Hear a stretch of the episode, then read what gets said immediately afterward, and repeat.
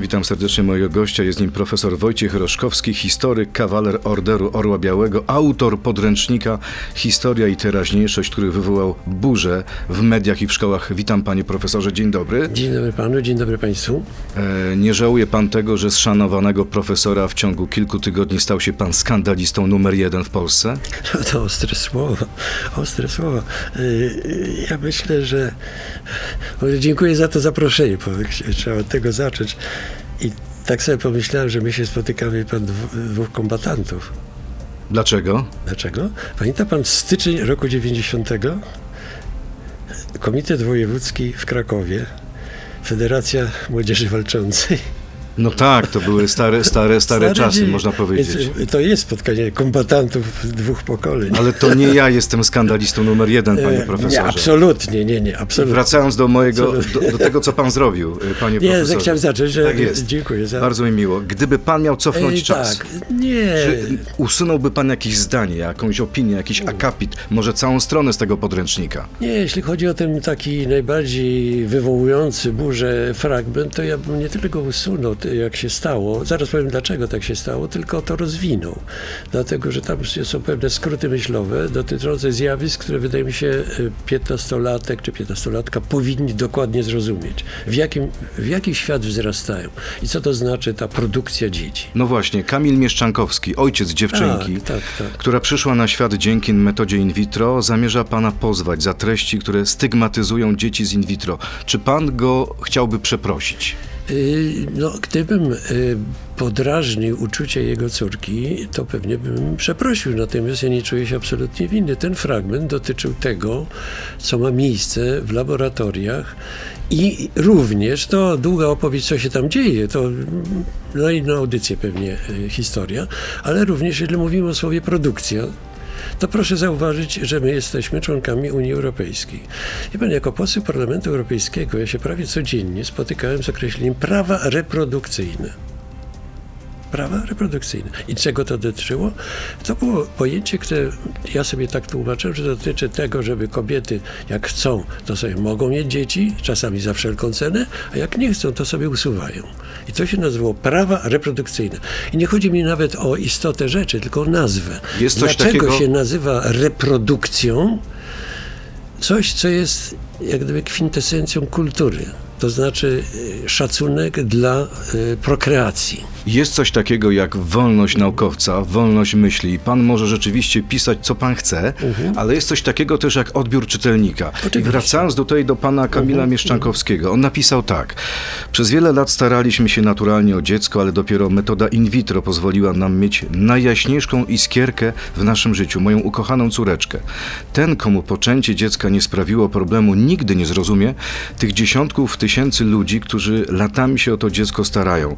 Nie pozwolę, pisze pan Kamil, żeby w publicznej szkole córka była wytykana palcami jako obiekt eksperymentów i dziecko niekochane przez rodziców. Te słowa pańskie, panie profesorze, dotknęły. Nie wiem dlaczego, bo trzeba by to zestawić z tym, co ja naprawdę napisałem. Nie wchodźmy w tej chwili w sprawę in vitro, bo ona jest bardzo skomplikowana i być może, z tym, że, wie pan, ja nie, to nie jest przedmiot wychowanie y, w rodzinie, ani, y, ani wychowanie seksualne. To jest historia. Ja o tym napisałem, o pro, problemie z odrywaniem. Przecież tam jest cały y, akapit, który dotyczy odrywania y, seksu od miłości i płodności od seksu. To jest istota tego, tego e, akapitu. To, o czym tam napisałem, występuje w bardzo różnych e, postaciach. In vitro jest pewnym elementem tego, ale nie najważniejszym i jeżeli ktoś wziął to do siebie, to jest mi bardzo przykro, ale naprawdę niesłusznie.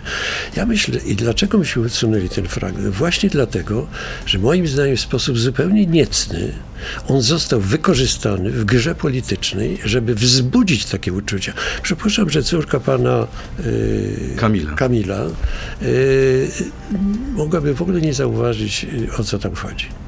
Sądzi pan, że ktoś tak naprawdę wykorzystał pana politycznie? Oczywiście, że tak. Kto pana wykorzystał? Ja nie będę tutaj palcem wskazywał, ale przecież proszę zauważyć, że cała ta kampania, powiem wprost, kampania nienawiści, hejtu, takiego czasem już obrzydliwego, że nie, będzie, nie będę tego powtarzał tutaj, yy, no po prostu zaczęła się w pewnym momencie które wydaje mi się jest początkiem kampanii przedwyborczej przyszłego roku. Ale sądzi pan, że Donald Tusk, który mówi, jeśli coś takiego proponuje się polskiej szkole, polskim dzieciom, polskim rodzicom, to znaczy, że dla nich nie ma granic łajdactwa, nie ma takiej linii, której nie przekroczą, że Donald Tusk świadomie wrzucił pana nazwisko, żeby stał się pan celem, e, czy tam przedmiotem kampanii politycznej? Na rok przed wyborami? E, Wie pan, e, ja tutaj jestem tylko skromnym e, elementem tej gry i wydawnictwo też, natomiast przede wszystkim to jest kwestia ministra Czarnka i tego rządu. To, że minister ten podręcznik zatwierdził, to jest niewątpliwy fakt i ja się znalazłem, że tak powiem, w ogniu tej strzelaniny, podczas gdy y, Wróćmy y, rok wcześniej, co się działo, mianowicie, y, czy troszkę mniej chyba niż rok, kiedy w ogóle ten przedmiot został pomyślany i ogło- y, ogłoszony, że on będzie. Przecież już wtedy też się zaczęły rozważanie, czy to dobrze, czy nie. I wróćmy do istoty tego przedmiotu i tego, cze- czemu on ma służyć. I ja y, tutaj bym zapytał, kto się boi hitu? Bo co to jest hit? Hit to jest historia najnowsza, połączona z wiedzą o społeczeństwie. Y, To jest moim zdaniem z punktu widzenia merytorycznego znakomity zabieg, bo on łączy historię najnowszą, która przez połączenie z tą wiedzą bardziej teoretyczną jest lepiej zrozumiała i na odwrót społeczeństwo będzie lepiej zrozumiane, jeżeli będzie ilustrowane historią. Panie profesorze, ale wróćmy jeszcze do tego wątku, wątku który, który pan sam wywołał. Pan mówi tutaj o pewnym ataku politycznym, wykorzystaniu pana podręcznika politycznego. Ale krytyka pańskiego podręcznika nie jest tylko z ust Donalda Tuska. Joanna Lichocka, konserwatywna posłanka Prawa i Sprawiedliwości, powiedziała, że cały podręcznik jest bardzo dobry, ale użyte sformułowania mogą uderzać w godność dzieci poczętych w wyniku in vitro i brak szacunku wobec tych ludzi, wobec tych ludzi jest tutaj wręcz demonstracyjny. A więc można powiedzieć, że krytyka ponad podziałami. Yy, No właśnie, a z drugiej strony zarzuca mi się, że ja jestem pisowskim historykiem, więc nie przesadzajmy. A nie jest pan pisowskim historykiem? No jeżeli krytykują mnie pisowcy, to jak to rozumieć? Ale Marek Bejlin niedawno napisał w Gazecie Wyborczej, że kto czyta historyka Roszkowskiego, ten otrzymuje światopogląd jego pana, czyli Kaczyńskiego. To jest To dokładny jest cytat. trochę uwłaczające. Moim panem jest pan Buk, a nie żaden y, Kaczyński, czy Tusk, czy ktokolwiek. Przepraszam, ale to jest uwłaczające. Panie profesorze, mamy pytania od naszych e, słuchaczy i na przykład jedno z pytań e, jest następujące. E, Jakub Stefaniak. Konkretne pytanie. Czy nie jest panu wstyd? Ale za co? Ja, ja mogę się wstydzić za co, coś złego zrobiłem, co ja złego zrobiłem. I takie pytanie kiedyś już dostałem na samym wstępie i pan, zaskoczyło mnie, że to dostałem mailem od profesora, który się nazwiskiem podpisał, po tygodniu y, po ogłoszeniu w ogóle, że ten podręcznik istnieje. Y, Ten pan profesor y, nie mógł przeczytać tego mógł przez tydzień, nie, nie wierzę, żeby miał w ręku tę książkę. Coś gdzieś usłyszał, na mieście, od kolegów być może i walną mi właśnie takie pytanie.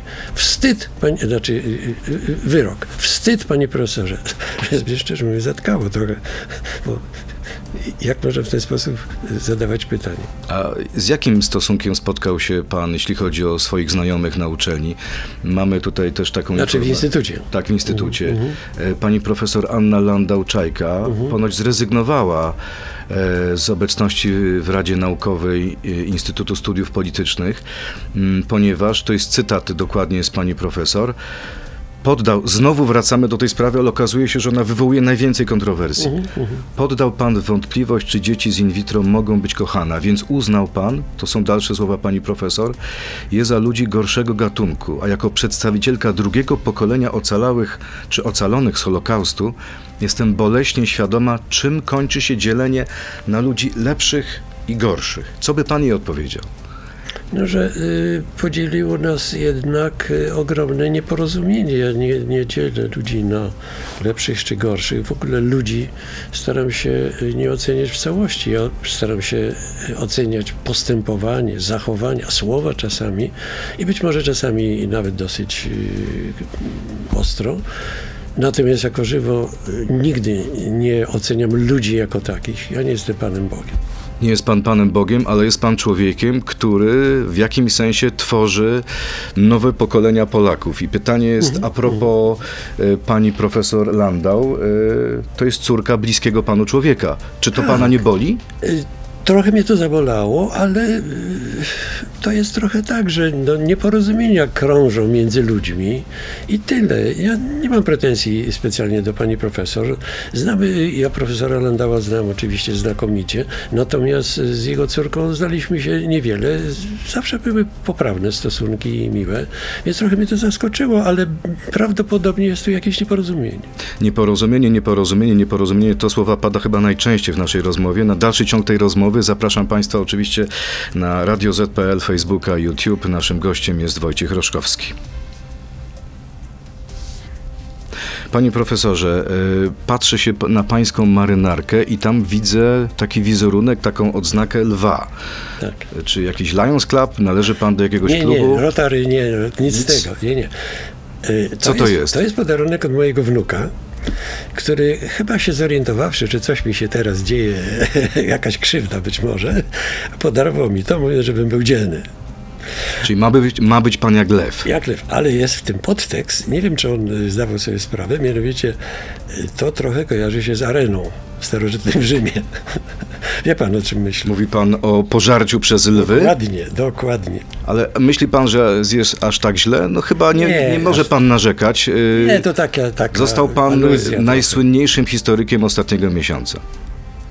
Znaczy, ja się w ogóle o sławę nie proszę. Ja uważam, że historyk ma swoją pracę, swoją, powiedziałem trochę misję nawet w wyjaśnianiu, y, co było, czego nie było, co było ważne, co nieważne, jak to oceniać y, i również jak oceniać, bo ja się nie zgadzam z tymi, którzy twierdzą, że historia jest y, nauką nienormatywną. Właśnie z historii wyciągamy lekcje i staramy się zrozumieć, co było w tej historii pozytywnego, co negatywnego. Ale ważny jest też odbiór. Myślę, że historykowi zależy na tym, żeby pańska książka trafiła pod strzechy i była dobrze odbierana. Dotąd Teraz trafiały, dotąd trafiały. I dotąd za- trafiały, bo mówi pan na przykład o tej słynnej książce z czasów podziemia, tak? Mhm, najnowszych y, dziełach polskich, którą pan napisał jako Andrzej Albert. Mhm, E, Ale dzisiaj mamy dane. Inicjatywa Wolna Szkoła e, twierdzi, że sprawdziła 2336 szkół i tam w tylko 53 z nich będą korzystać z pańskiego podręcznika. No to jest porażka. To jest pewnego rodzaju porażka, ale proszę zauważyć, jak to się stało. To znaczy, nauczyciele i szkoły znalazły się pod ogromną presją medialną i administracyjną. Przecież samorządy zaczęły naciskać na szkoły, żeby nie brały tego podręcznika. Pewna gazeta, już nie wspomnę która, wydzwaniała i wypytywała, czy aby na pewno nie bierzecie tego podręcznika. Więc ja bym to nazwał może niezbyt dokładnie, ale jednak mnie się to kojarzy z cenzurą prewencyjną. Zamiast zostawić szkołom i nauczycielom wolny wybór, z różnych stron medialnych i administracyjnych, administracji lokalnej, e, miały miejsce e, niezwykłe naciski. Środowisko nauczycielskie, jak wiemy, jest podzielone, ale myśmy pierwotnie oceniali, że pewnie ze 30% szkół, może nie więcej, e, będzie chciało to, e, ten podręcznik wziąć. Stało się inaczej i moim zdaniem to jest właśnie wynik całej tej kampanii nienawiści i presji, jak powiedziałem, medialno-administracyjnej. Pan mówi o tym, że w jakimś sensie stał się ofiarą kampanii nienawiści i pan mówi, że był wolny wybór, ale na początku to była tylko jedna książka do nauki. Teraz dopiero wchodzi w życie kolejne wydawnictwo wydawnictwa szkolnego i pedagogicznego. Czyli Zgoda. uczniowie i nauczyciele nie mieli wyboru. Zgoda. I teraz przyjrzałbym się temu, y, jak y, te trzy wydawnictwa, bo trzy wydawnictwa są zaangażowane w tej konkurencji, jak te wydawnictwa weszły na rynek. Y, Biały Krok być może popełnił błąd wchodząc za wcześnie, dając czas na całą tą kampanię, natomiast pytanie trzeba by zadawać tym dwóm pozostałym. Co one myślały na początku roku po y, ogłoszeniu podstawy programowej? Dlaczego tak zwlekały? I potem na chybcika odrabiały ten czas. Ostatecznie na dzisiaj zdaje się trzy są zatwierdzone. Te dwa pozostałe w ostatniej chwili. Można się zastanawiać, czy to nie był chytry taki zabieg promocyjny, że w ostatniej chwili wskoczył. No dobrze, ale one wygrały tę walkę nie w momencie, kiedy podręcznik już był, tylko po zniszczeniu, w cudzysłowie oczywiście mojego. Więc y, proszę, teraz Proszę nie narzekać. Zniszczeniu pańskiego ile się sprzedało tego podręcznika? po, powtórzę zniszczeniu, dlatego że podręcznika się sprzedało chyba z 50 tysięcy już i ta sprzedaż idzie dalej. Y, Natomiast, jak sam pan powiedział, tylko 53 szkoły wzięły, bo nam zależało jednak na tym, żeby to był podręcznik szkolny. Gdyby- Ja nie narzekam, bo y, historia, że tak powiem, potrafi odwrócić pewne trendy i zobaczymy, co będzie dalej. Y, w tej chwili na przykład y, już widać pewne odbicie w opinii. To znaczy ja byłem niszczony właściwie w mediach społecznościowych globalnie. Można powiedzieć, ilość tych troli, które mnie napadały była zupełnie zdumiewająca. Zresztą estetyka niektórych tych wypowiedzi, tych troli, to mi trochę przypomina jednak to, co dzieje się za wschodnią granicą. Przeciwko panu zaangażowały się ruskie trole? wie pan, wprost tego nie chciałbym tak nazywać, ale kto wie?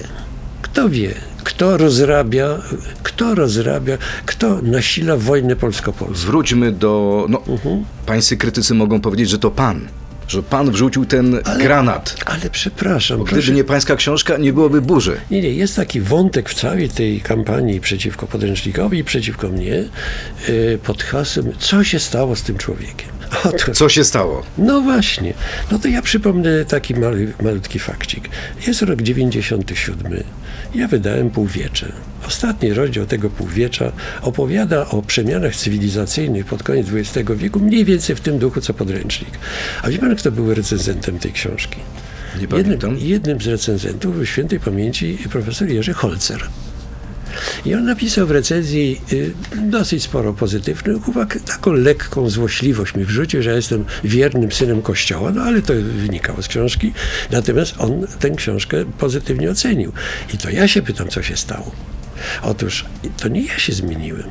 Ja, ja nie zmieniłem poglądów, zmieniło się otoczenie. Mamy Panie- do czynienia z wojną kulturową. Panie profesorze, ale proszę mi wybaczyć, ja pamiętam pańską książkę, podręcznik, z którego wiele osób się uczyło, s- stworzony z panią Anną Radziwiłł.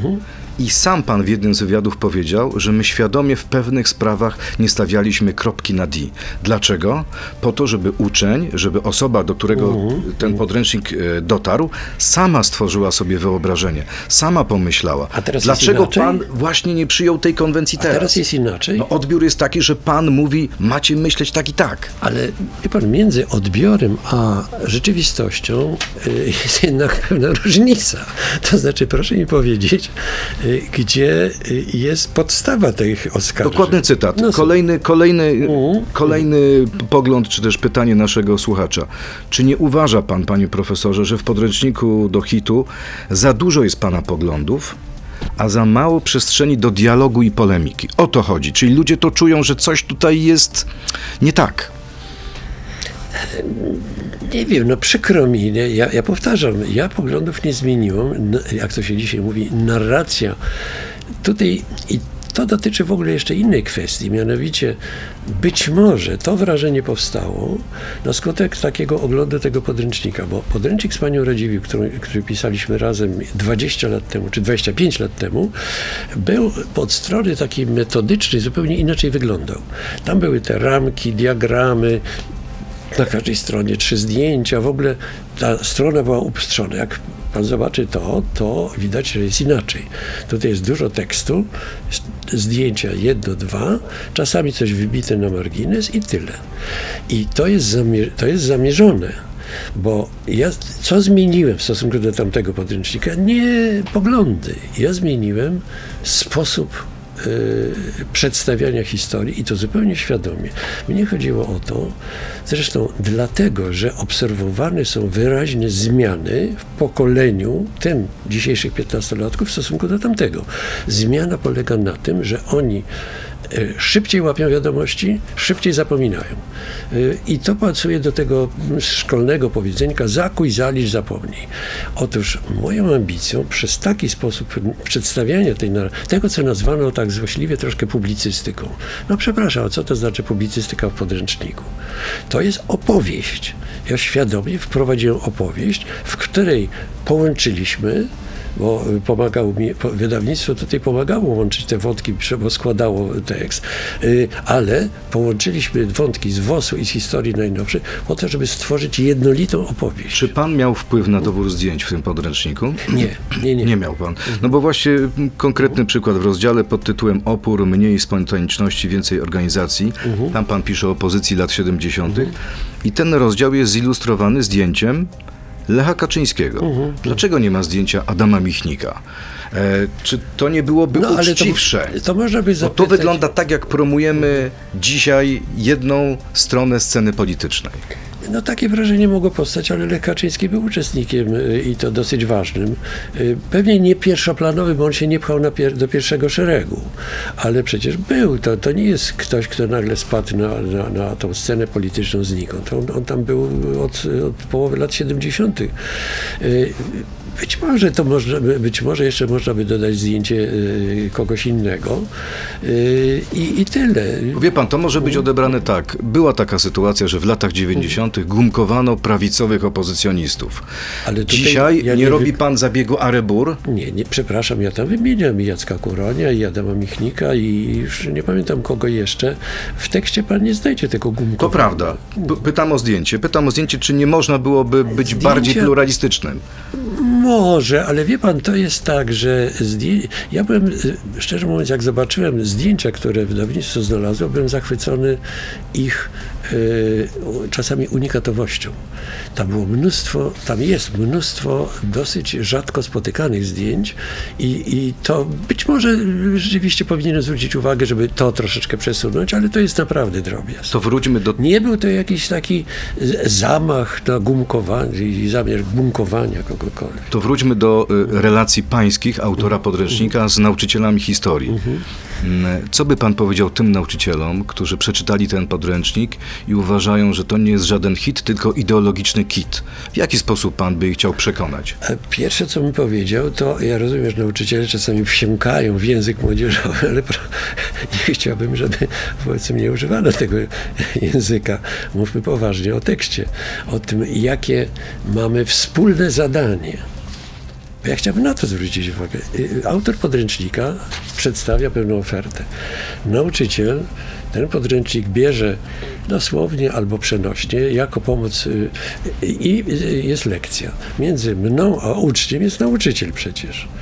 Więc y, ja byłem zszokowany tym, że niektórzy nauczyciele uznali, że ja oczekuję, że oni będą odpytywać pamięciowo uczniów z jakichś fragmentów tej książki. Ktoś powiedział coś, że jeżeli jakieś tam pytanie by tak było sformułowane jak ja, to maturzysta by oblał maturę.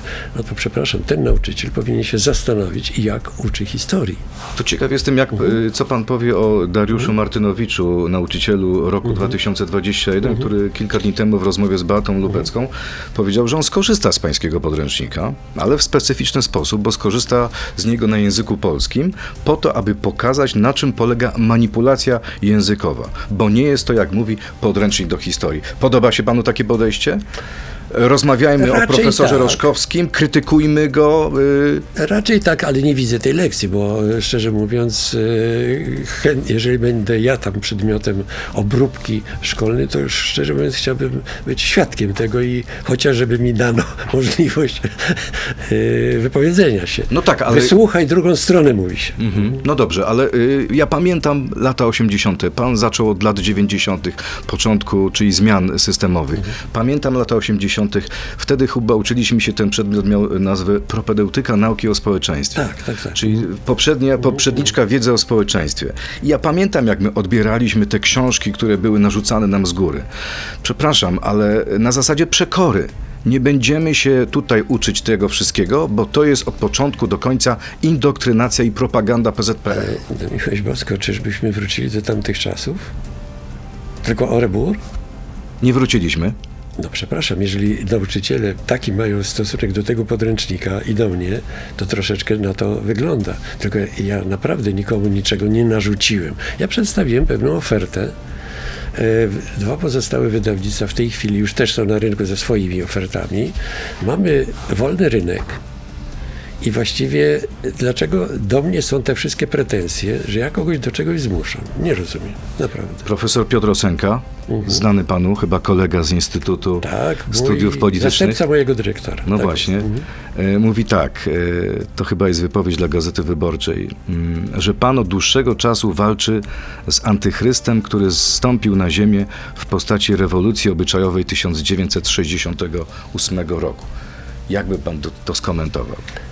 E, No, to bardzo obrazowe pojęcie e, antychrysta w postaci rewolucji obyczajowej. E, To jest troszeczkę takie, wie pan, ustawianie przeciwnika, bo oczywiście w podtekście jest jakiś, jakiś ciemnogród, jakaś kruchta i tak dalej. To jest bardzo pięknie sformułowane, bo tak między wierszami jest przemycane wiele różnych e, emocji. Otóż ja uważam, ja piszę o tym i w półwieczu pisałem o tym, i w podręczniku, uważam, że młodzież powinna wiedzieć, e, co stało się w latach 60. i jak zmienił się Zachód od lat 60. Bo jeżeli się tego jeżeli sobie tego nie uświadomimy, to będziemy jeździli na ten zachód jak tacy, takie pijane niemowlęta we mgle, które się obudziły po roku 89, y, śniąc, że zachód to jest jakiś raj, którego jak my wskoczymy tam, to wszystko nas y, zbawi. Otóż i teraz wiele osób jest zaskoczonych. Unia Europejska nie jest tym rajem. Wiele, już nawet mnie pytano, to pan uważa, że jesteśmy z Zachodu bardziej zagrożeni niż z Rosji? Nie. Czyli nie, nie wyraża pan opinii profesora Krasnodębskiego? Ja bym zupełnie inaczej to sformułował.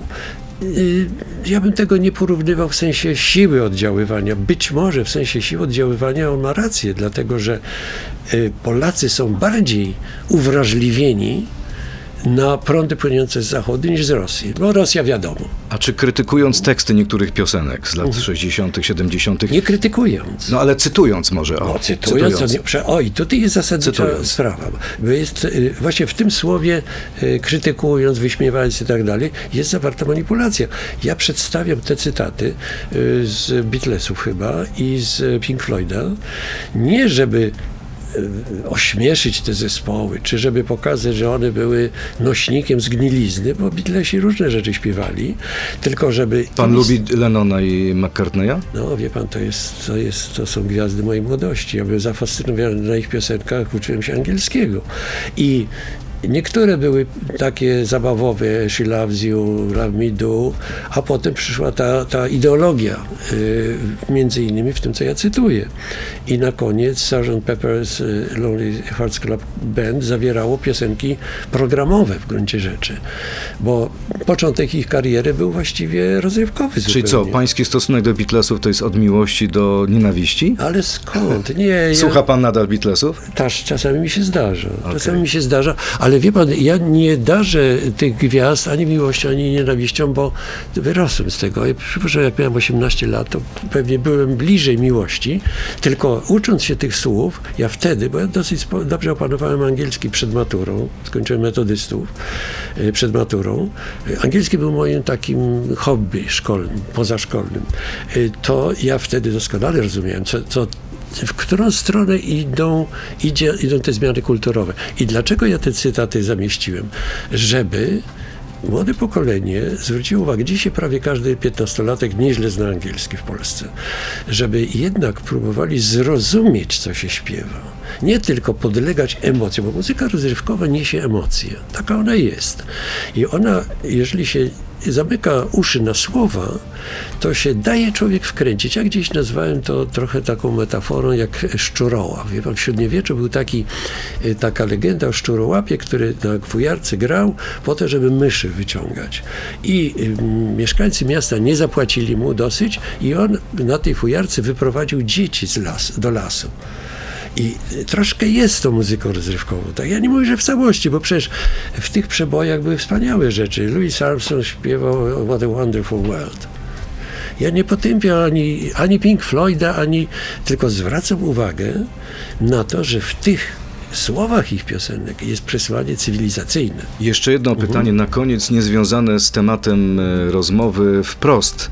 Jako historyk uważa pan, że Polsce należą się reparacje wojenne od Niemiec? Oczywiście. I możemy je otrzymać? Jest podstawa prawna? Bo się zrzekliśmy jako PRL. Y, No, to jest dłuższa dyskusja, ale tak, to zrzeczenie moim zdaniem ma bardzo słabą moc prawną, bo ono nie jest zarejestrowane jako oficjalny dokument, to jest jakaś notatka, że tak powiem, na bieżąco Ale potem rządy niepodległej Polski potwierdzały to. A no to trzeba by pytać tylko, dlaczego to robiły.